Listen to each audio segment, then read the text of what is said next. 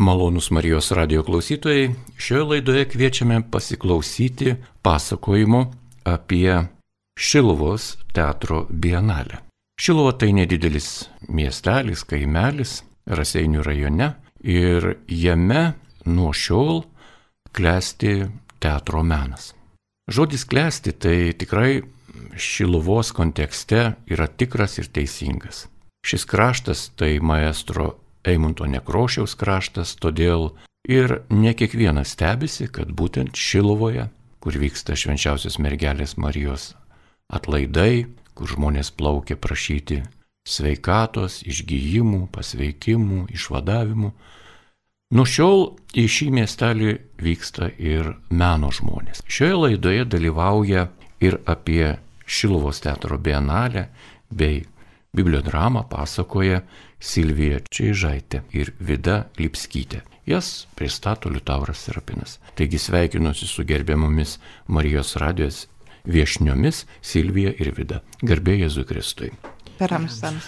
Ačiū, kad atvykote ir papasakosite, kas tas Šilvoje vykstantis teatrų festivalis, kelias, iš kur jis atsirado, kaip jis šiuo metu jums sekasi sunkesnėm sąlygom nei įprasta pasaulyje, kalbėti apie meną, rodyti teatrą, surinkti auditorijas ir taip toliau.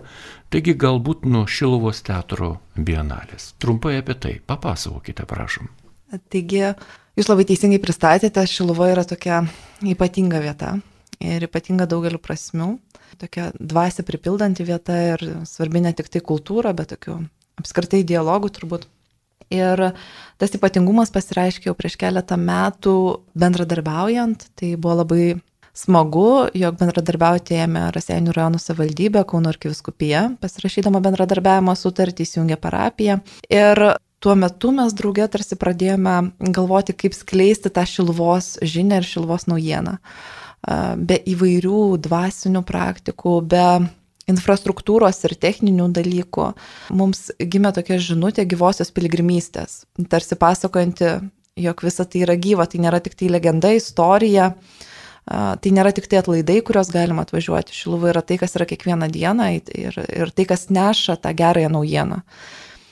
Ir žinoma, kažkaip tai pradėjome galvoti, jog kultūra irgi yra toksai, na, turbūt ir dieviškosios kūrybos aktas, ir tuo pačiu galintis atskleisti būtent tą žinią. Bažnyčia nuo kultūros jinai niekada nebuvo kažkur tai toli, jinai visą laiką vienai par kitai buvo šalia.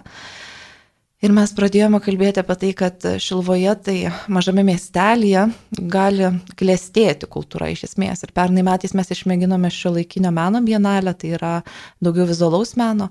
Ir e, šiais metais mes prabilome apie teatrą, kaip jūs ir minėjote, labai natūraliai, Imundas Nekrošius yra iš Šiluvos ir, ir, jo, ir, ir jo amžinoji polsio vieta yra lygiai taip pat Šiluvoje. Ir pradėda, pradėjome ieškoti to konceptualaus pagrindo, tos gyvosios pilgrimystės, to gyvojo meno ateimo. Tai žinoma buvo šiek tiek ir iššūkis, nes mes darėme teatro bienalę vietoje, kurioje nėra teatro salės, bet turbūt iššūkiai, iššūkiai būdingi šiluvai. Ir atsiremdami į 77-ąją psalmę apie kelią, apie pėtsakus paliekamus, apie, apie tai, kad koksai bebūtų tas kelias, vis tiek yra einama ir paliekami pėtsakai, mes išdrįsime kalbėti apie teatrą, apie tą gyvąjį meną, apie Imunto nekrošiaus palikimą, žvelgti į tai, kas, kas buvo, kas, kas buvo svarbu teatre ir kas, kas dabar yra kūriama teatre. Ir žinoma, vėlgi susidūrėme su dar, viena, dar vienu iššūkiu, e, be to, kad neturime teatro salės, tai kitas iššūkis buvo pandemija, COVID pandemija prasidėjusi. Viskas buvo gana sėkmingai ir įdomu, ta prasme, jog mes bendradarbiavome, pažiūrėjau, su Nacionaliniu Kauno dramos teatru ir, ir apriškimo apie Šventą Kazimierą spėjome spektaklį spektaklį parodyti pačioje e, Šilvos bazilikoje. Mes e, atidarėme, spėjome atidaryti Eimunto nekrošiaus parodą, šokio spektaklį ir visa kita.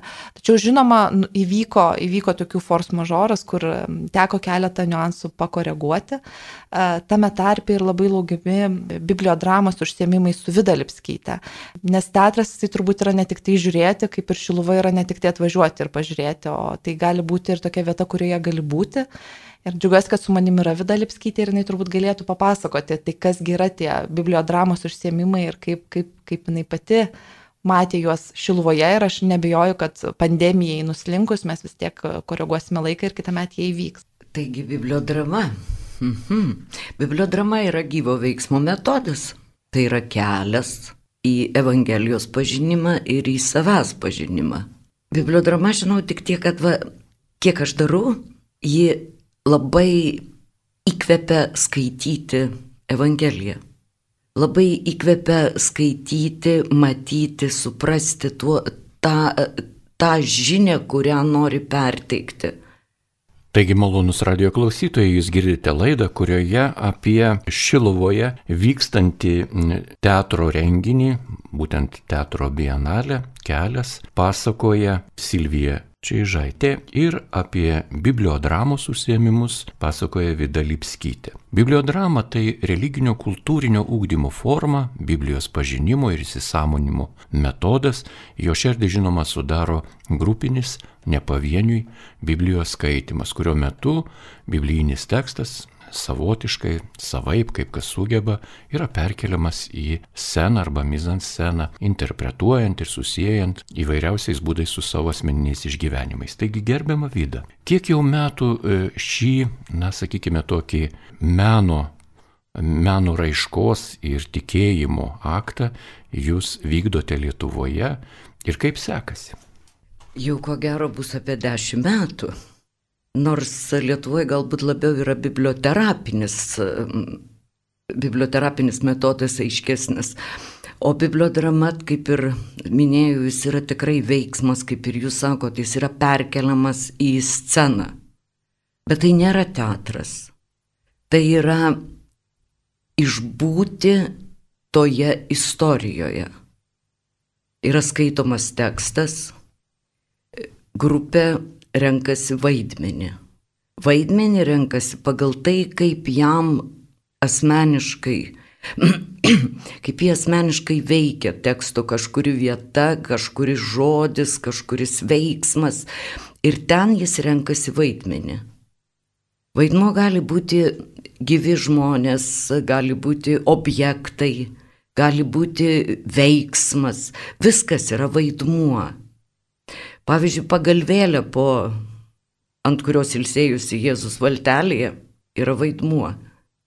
Vėjas, ežero bangos, kurios e, liktai nori paskandinti šitą valtelę, yra vaidmuo. Viskas yra vaidmuo. Sukūriama aplinka, sukūriama emocinė ir e, fizinė aplinka. Žmonės pasiruošia lyg ir vaidmeniui Jie gali ir e, užsidėti skaras, gali užsiviniot kažkokias medžiagas, pasimti į rankas e, daiktų, bet tai nėra vaidmuo. Tai yra, tu eini išbūti toje istorijoje. Tu neturi, e, neturi sukurto, kad mes surepetuosim dabar, kaip, kaip čia darysim. Ne, mintis yra, tikslas yra išbūti, išbūti ir suprasti, kokius jausmus sukelia man šitas, šita istorija. Yra labai įdomių patirčių iš praktikos, galiu sakyti, tikrai yra labai labai įdomių patirčių ir tokių netikėtų patirčių.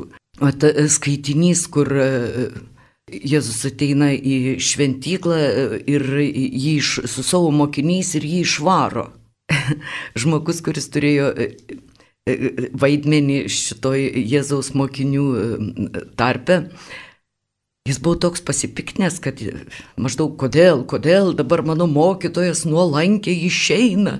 Aš jaučiau tokį pasipriešinimą, aš norėjau kovoti, parodyti šitiem fariziejam, kaip čia viskas galėtų įvykti, mesgi žinom kelią. Ir, ir va tu pats būdamas, būdamas istorijoje, tu pradedi suvokti savo netobulumus, savo asmeninius netobulumus. Koks aš nepakantus, koks aš išpuikęs, galbūt, kad man reikia atkovoti, įrodyti. įrodyti. Įdomus metodas tuo, kad labai priartina skaitinį, priartina prie žmogaus. Aš, pavyzdžiui, darau ir su gimnazistais, ir ypatingai paaugliams, e, kai kažkoks yra toks skeptiškas galbūt požiūris į šventą raštą kitą kartą, per rekolekcijas paauglių.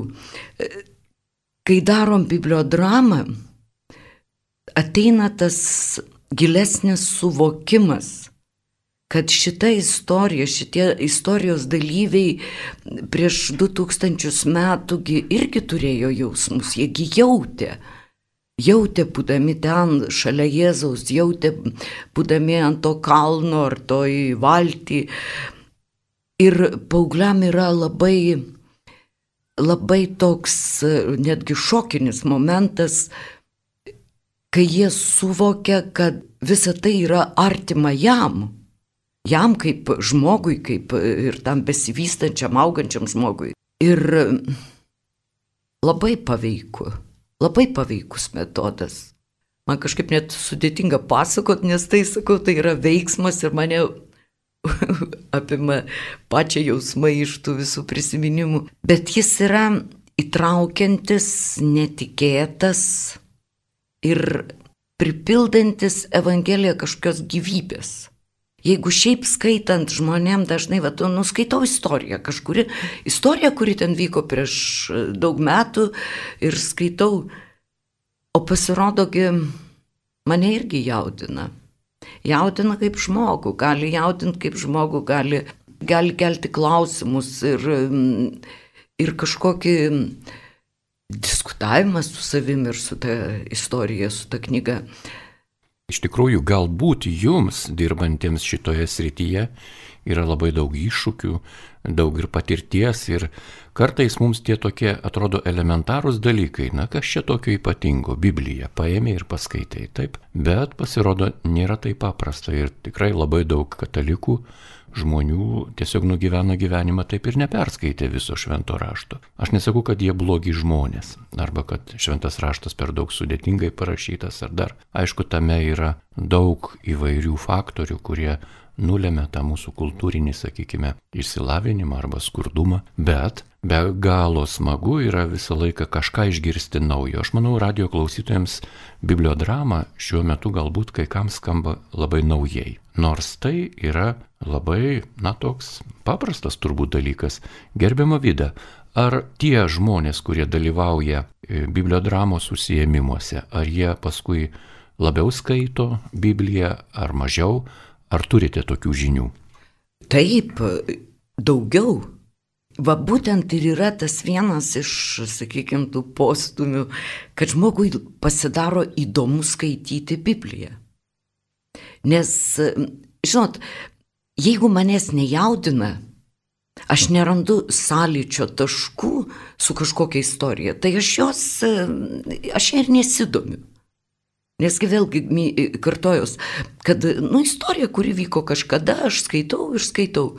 Bet kai aš randu sąlyčio taškus, aš randu, aš atpažįstu save, savo, savo jausmus toje istorijoje, tada tu ją skaitai visai kitaip.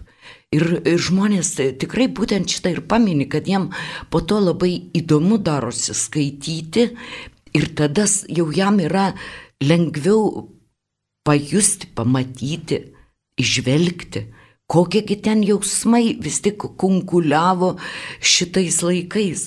Nes Biblijoje iš tikrųjų nėra jausmų aprašymo, tai yra tokie daugiau faktai. Faktai, tokia ir simbolių kalba. O čia tu įvedi jausmą. O jausmai, žinot, ar prieš tūkstantį metų, ar prieš penkis tūkstančius metų Jausmai yra tie patys. Tie patys ten irgi buvo ir neapykanta, ir baimės, ir pavydas, ir meilė, ir ištikimybė, ir, ir visi tie patys jausmai, jausmai, kurie, kurie ir dabar mus valdo ir su kuriais mes gyvenam. Ir tada Paugliai labai gražiai ateina. Mokytojas sako, sekmadienį skaitė, skaitinį tą, kurį mes darėm rekolekcijose, kaip buvo įdomu klausyti. Aš mačiau visą tą vaizdą, kaip mes darėm.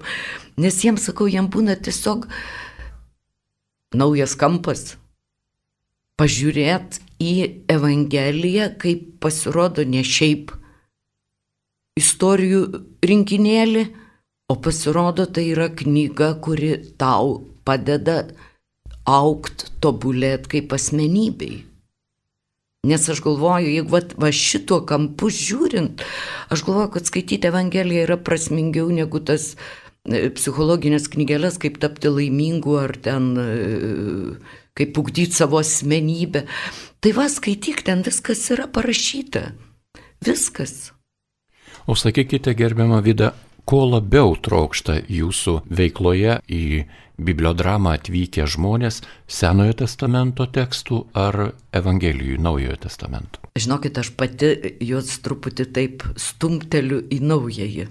Nes vis tik senasis galbūt yra toliau ir tiesa, ne, ne, ne, Abraomo sunaus aukojimas yra vienas iš populiariausių renk, besirenkant, nes aš paprastai aš grupiai duodu išsirinkti patiems skaitinį. Tai va, sunaus aukojimas, tai čia yra turbūt vienas iš populiariausių, nes jis, nu, jis yra toks žiaurus iš dabar, iš mūsų pozicijos, betgi jis yra žiaurus, kaip šitaip, paaugliai, kaip pasipiktina, kaip šitaip galima.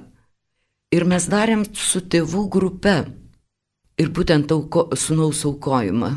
Ir atradom tokį dalyką, kad iš tikrųjų mes vaiką užauginam ir, ir padedam ant Dievo altoriaus. Užaugini vaiką, žmogų, aš pati tris vaikus užauginus.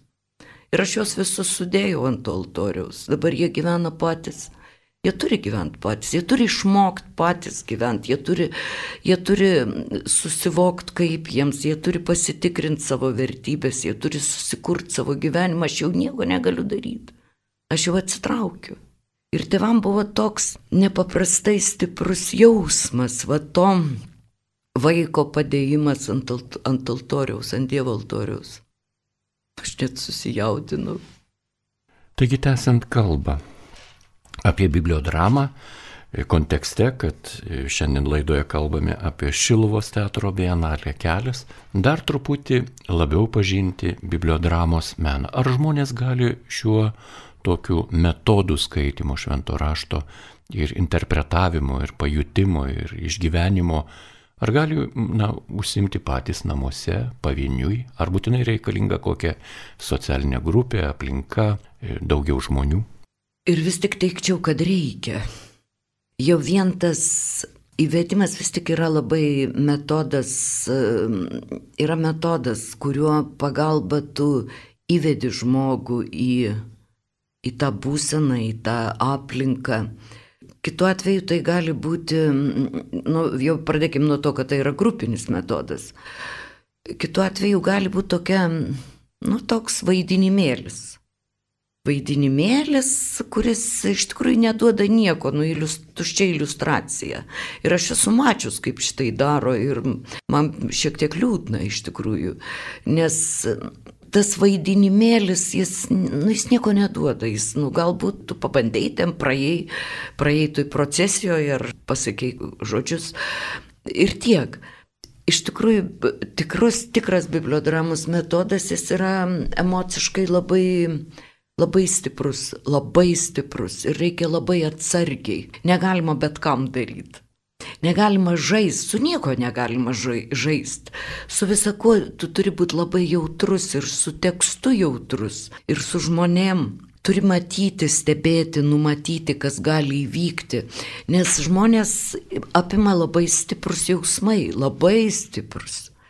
Ir žinau, vėlgi esam darę šitą kur užmėtyta akmenimis, paklydėlės moters užmėtymas akmenimis ir Jėzus rašo tam smėlį. Ir grupės moteris, žinokit, aš sustabdžiau, ji būtų metusi.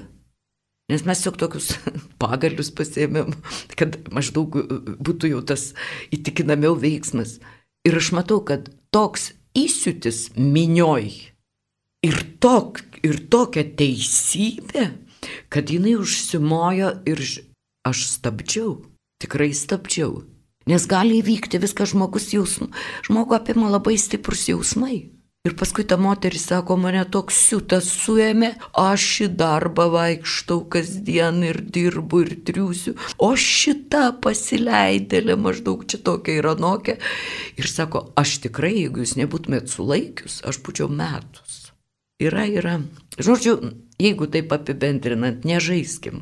Nežaiskim, nežaiskim to, ko mes negalim valdyti prašyčiau atsiduoti gebančiam, gebančiam daryti šitą metodą, gebančiam vadovauti, vis tik tas vadovavimas labai svarbu. Ačiū, gerbiam Vaida. Tikrai palėtėte vieną iš tokių, na, aktualių ir kontroversiškų patyrimų, ką patiria ir profesionalai aktoriai, kad kartais rolė prilimpa. Tiesiog prilimpa rolė, o susigyveni ir tampi tuo personažu ir netgi savo asmeninėme gyvenime dažnai pradedi imituoti jį, kartoti ir jis patinka tau daugiau ar mažiau ir kitiem patinka ir gauni ten tam tikro emocinio gražos, tokio, na, dėmesio. Yra smagu. Ir mes žinome, tikrai, kai kurie aktoriai, labai puikūs aktoriai, kartais įsigyvena į tas rolės ir netgi jų asmenybės tampa panašios į kažkokį tai spektaklyje vaidintą personažą. Ar pas jūs pasitaiko tokių dalykų jūsų bibliodramos veikloje? Nepastaiko vien dėl to, kad tai nėra e, teatras ir čia nėra žiūrovo. Čia nėra žiūrovų. Ir, nu, nieks tavęs nevertina ir nieks tavim nesižavi. Yra įėjimas labai stipriai, reikia ir dirbti su tuo įėjimu ir išėjimu. Kai tu viską nusimi ir išeini jau žmogus e, su savo asmenybė, va, labai stipriai, e, kad neišeitų, kaip ir jūs minit, kad neišeitų žmogus su šito vaidmeniu. Turi labai nuimt, vat vėlgi aš grįžtu prie to, kad nežaiskit patys, čia turi būti vadovas, vadovas turi vis tik būti profesionalus. Labai svarbus yra tas nuėmimas vaidmens. Ir čia teatrui tikrai yra tai, kad, sako, akademijoje keturis metus moko įeiti vaidmenį, bet nemoko išeiti, kaip išeiti iš vaidmens. Mes darom labai tokį sureikšmintą tą ritualinį, galbūt net išėjimą iš vaidmens ir pasivaikščiojimą, pabuvimą su savimi ir tada grįžtam refleksijai. Refleksijoje yra vėlgi, yra trys refleksijų ratai. Viena refleksija yra iš vaidmens, kai aš buvau vėjas, jaučiausi ir nu, veikiau taip ir taip. Antras ratas yra, ką tai sako apie mane kokias išvalgas apie save, savo asmenybę atradau, ką aš pamačiau savį. Ir tada trečias ratas yra toks gyvenimiškų patirčių pasidalinimas, kad mes esame išgyvenę kažkokią istoriją, kuri, kurioje, kuria, kurios atitikmenį randu šitam skaitinį. Ir tai labai, labai pastiprina žmonės, nes pasirodo, Visi visokių istorijų turėję savo gyvenime ir kartais žmonės išsiatvi, nu, atviraujasi labai. Ir ašarų būna, ir juoko bendro būna. Metodas atveria, o ką reiškia atveria? Atveria reiškia padrasina. Aš nebuvo, nebijau būti, aš nebijau būti toks, koks esu, su visų savo netobulumu. Taigi ir viešpats mus mato su visų netobulumu, ne su tuo susikurtų vaidmeniu.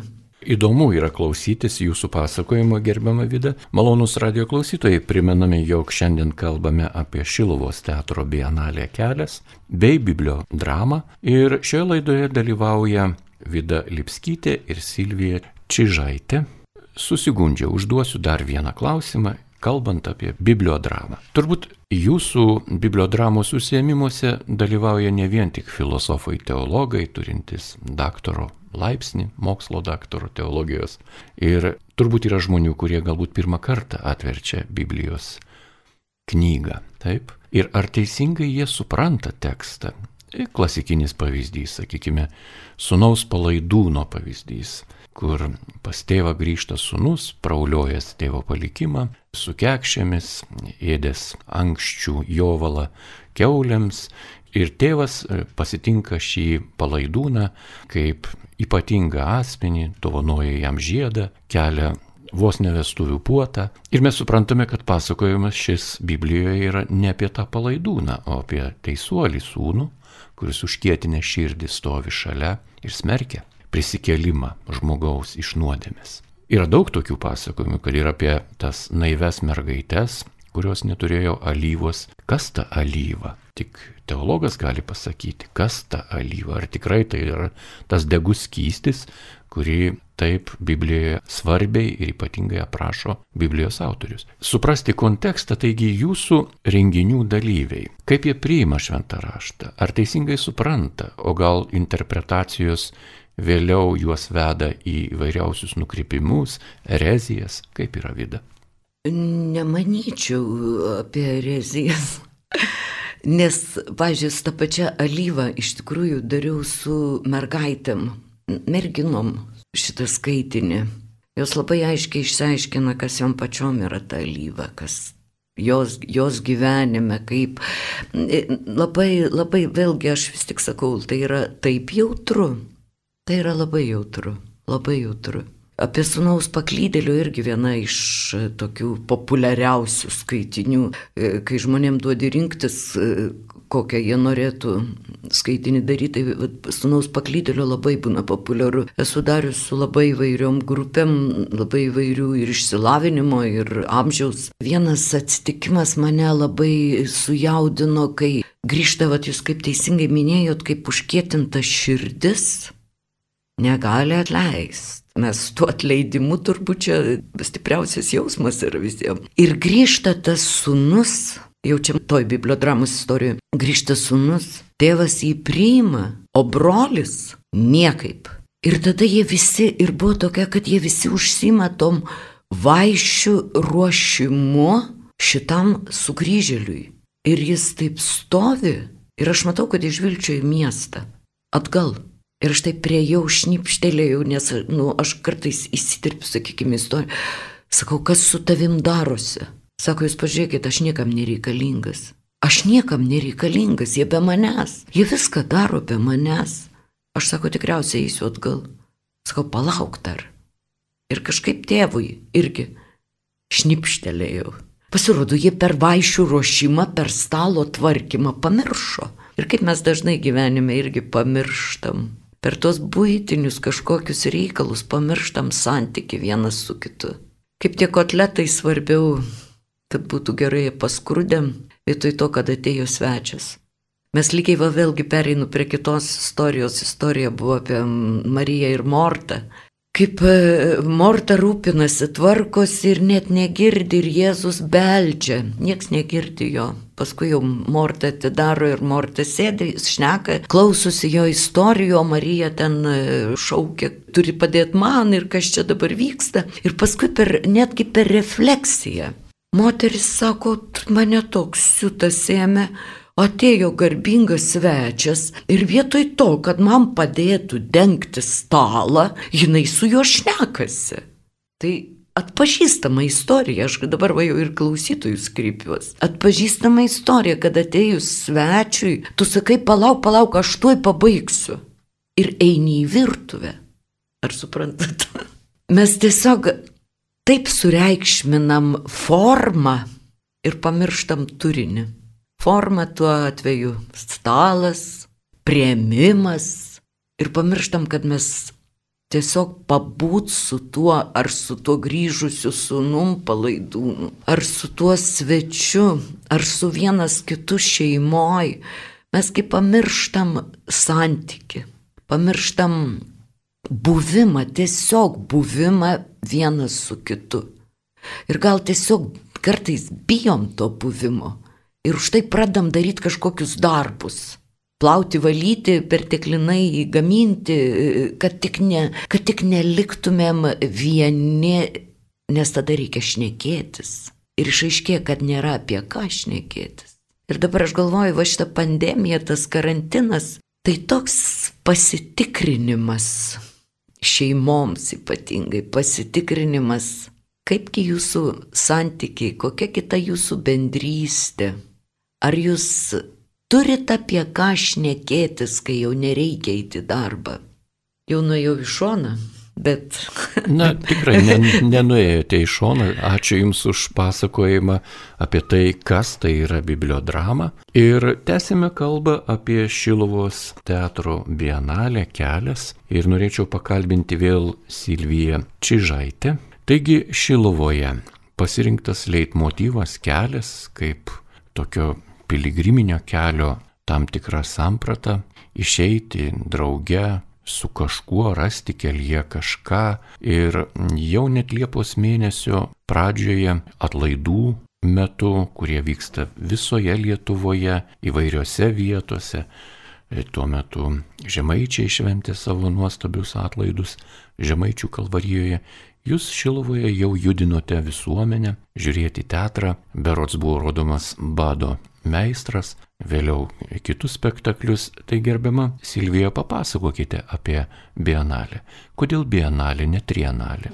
Bienalį iš esmės pasirinkom dėl tokių pragmatiškų dalykų, tai yra tai, kas vyksta kas du metus. Jeigu pirmaisiais metais turėjom Šilos meno bienalę, tokį vizualaus meno, tada teatro, tada tarsi vėl turėtų kartotis vizualus menas, tada vėl teatras. Nesirinkome festivalio formato irgi dėl tokių pragmatiškų dalykų. Festivalis yra tai, kas atsitinka trumpą laiką. Na, tarkim, savaitės laikotarpis sugrūdi viską, tada atvažiuoja, tuo metu žmonės suvažiuoja ir išvažiuoja. Ir viskas, tuo ir baigėsi.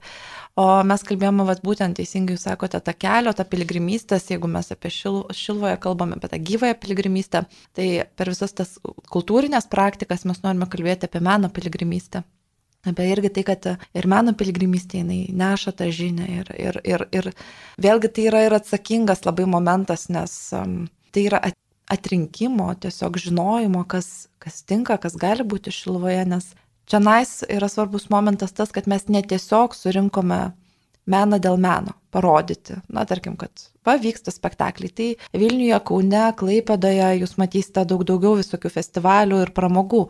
E, čia visgi akcentas yra būtent pati Šiluva. Apie vietą, apie Šiluvos stebuklą kalbėti per meną. Tai va, čia nais reikėjo mums rasti tą dialogą ir kažkaip labai puikiai mes radome dialogą su daugeliu menininkų, kurie ten atvyko. Žinoma, su Eiminto Nekrošiaus teatru, su Meno fortu. Tai buvo simboliška, taip savotiškai simboliška, kad buvo atverta tokia bien, teatro bienalė su uh, bado meistru Dar gyvas būdamas Imundas Nekrošius iš tikrųjų jau atvažiuodavo į Šiluvą ir aikštėje, tai aikštėje rodydavo e, spektaklius, tai va šiais metais jau be Nekrošiaus, aišku, ir pernai metais jau be jo įvyko tie spektakliai. Ir taip mes išdėliojame viską laikę, tarsi ištempėme į metus, o dabar dėl pandemijos tai dar peržengs ir tą metų laikotarpį mes dar žengsim ir toliau. Ir, ir stengiamės irgi vėlgi pamatyti, kad tas e, menas, jisai, tas ir teatro menas, tas performatyvusis menas, net jeigu tai yra kalbama apie Šiluvą, jisai gali būti labai įvairus nes tas kūrybinis pradas, tai mes e, nuo dramos teatro, e, fotografijų parodos netgi iki šiolaikinio šokio pasirodymų, šiolaikinio šokio teatras Aura pasirodė Šilos turgus aikštėje irgi buvo labai įdomus procesas, pas procesas, kuomet šokėjai atvykę repetuoja, o įsivaizduokite, ką reiškia repeticijos laukia, kad mes suvažiuoja tarptautinė trupė, groja muzika, šokėjai repetuoja ir, ir aplinkiniai gyventojai tarsi stebisi, kas čia vyksta. Vėlgi labai svarbus tas momentas yra ne tik tai atvežti kažką, tai kad pamatytų šiluvą, bet ir auginti tą, žinot, tokį vidinį orumą, ta, dėl to, kad esi pačioje gyveni šiluvoje, esi su to susijęs ir, ir parodyti, pamatyti, žinot, kai tu visą laiką esi toje pačioje vietoje, tai tarsi tu ne visą laiką pamatai, kokių ypatingų dalykų gali turėti savo vietoje. E, tai čia irgi buvo tas tarsi paskatinimas pažiūrėti, išlaikyti gražinti tą orumą. Pažiūrėkite, kokių vertingų dalykų, kokia vertinga yra pati ta vieta. Ir vėlgi irgi turėjom be abejo, kaip ir visose kultūrinėse ir ne tik kultūrinėse renginiuose, visokių paradoksų. Pavyzdžiui, Auros spektaklis, norėčiau būti paparčio žiedo atvykimas. Ir mes ruošiamės viskam, kadangi e, žinome, kad rodysime laukia, tai pirmiausia ruošiamės lietui ir galvojame, ką darysime, jeigu bus lietus. O ištiko tai, kad buvo plus 30 ir tiesiog šokiai nebegali šokti scenoje, nes dega e, juodas linoleumas. Ir mums staigiai reikia rasti sprendimą čia ir dabar. Šiandien vakare pasirodymas, plus 30 kaista visa aparatūra. Ir taip netikėtai nutinka, kad jie pradeda repetuoti ant žalės, tarp medžių ir mes sakome su choreografė ir kai tas sakau, tai galbūt ir šokame ant žalės. Tai galbūt jie gali šokti, mes pasitarėm su šokėjais ir jie sako, gerai, mes galime šokti nebe scenoje, šokame ant žalės. Ir tas, tas, tas pats kūrinys, tarsi išaugo iš to šiluvos. Nėra jokios scenografijos, scenografija pati yra tie pastatai, žmonės savo kiemuose statėsi kėdės ir žiūrėjo, tildydami šunis ir, žodžiu, žiūrėjo tą visą spektaklį. Ir, ir tai buvo daug ypatingiau ir turbūt kartais svarbiau negu, nežinau, įvairios kritikų, recenzijos ir atsiliepimai. Lygiai taip pat Šiluva peržengė tas ribas, mes dalį žaiginyje darėme irgi. Žaiginys yra 8 km iki Šiluvos, tai toks irgi labai e, vienas šalia kito. Kaimelis, kuris pasižymi tuo, kad turi bažnyčią ir turi mokyklą, kurią uždarė. Tai yra labai skaudus momentas, mokyklos uždarimo momentas ir mes irgi ieškome, kaip ateiti bendruomenį ir radom irgi tokį įdomų kelią. Mokyklos, viename iš mokyklos pastatų vietinės, vietinių kuriejų fotografijų paroda buvo, sename pastate buvo Šeiko šokio teatras atvyko su tokiu kūriniu, kuris vėlgi jie kelias dienas kūrė ir įdomumas buvo tame, kad vietiniai gyventojai, jie po truputį įsitraukė. Ir vėlgi, kaip sakau, labai labai buvo toksai turbūt svarbesnis už visas kritikas, už visą tai, kad vieną dieną, pirmąją dieną rinkosi žmonės, taip po truputėlį antrąją dieną iš sporto salės, nes nu sporto salė yra toks svarbus mažo miestelio, kaimelio atributas, susirinko kokį 10-12 vaikų tokių paauglių, kurie sako, mes girdėjome čia fainai, ateisime dabar pasižiūrėti, gal galim praeiti, pasižiūrėti, toks kontaktas, pasirodymas, toks improvizacija, performances galima būtų sakyti. Ir jie praeina tą pasirodymą visą toje senoje mokykloje, toje mokykloje, kurią matė jie kaip, nu, visą laiką kaip atrodo ir staiga pamato visiškai kito, kitokiame ampluo. Tie vaikai jie išeina, susirenka dar draugų, pareina ir sako, mes norime dar kartą, mes norime dar kartą eiti, dar kartą matyti. Tai žodžiu, kad tas menas atrastų tą kelią į tą širdis, tai va čia turbūt ir buvo tas mūsų meno piligrimystės tikslas. Taip atsirado ir bibliodramos užsiemimai irgi tokia kaip galimybė e, Šilvoje kviesti žmonės ne tik tai girdėti Dievo žodį bažnyčioje, bet turbūt kontempliuoti, irgi pamėginti tą Dievo žodį išgyventi. Tai va čia toksai buvo mūsų tokia užduotis ir mes, kaip sakant, tikiuosi ir keliausime ir toliau Šiluvoje šituo keliu. Tikrai labai gražiai skamba jūsų iniciatyva, nes kiekvieną mėnesį, kiekvieno mėnesio 13 dieną Šilovoje vyksta mažieji atlaidai ir tikrai susirenka žmonės ir netgi pandemijos metu privačiai žmonės vyksta, ne būriais, bet pavieniui atlieka savo kažkokius tai maldos įžadus, pasižadėjimus, gauna sustiprinimo, gauna palaikymo, tam tikrą irgi palydėjimą. Ir dar plus prie viso, sakykime, religinio išgyvenimo, teologinio tokio augimo, ūkdymosi, dar ir meninis ūkdymas. Tai manau, kad tikrai vienas kitam tikrai neprieštarauja, o kaip tik vienas kitą papildo ir žmonėm tai yra tikrai labai ir naudinga, ir išganinga. Labai dėkoju Jums, kad atvykote į studiją ir papasakojote apie Šilovos teatro bienalę kelias bei bibliodramos, koluarus atvėrėte čia. Taigi laidoje dalyvavo Silvija Čižaitė ir Vida Lipskytė, jas kalbino Liutauras Serapinas, likite su Marijos radiju.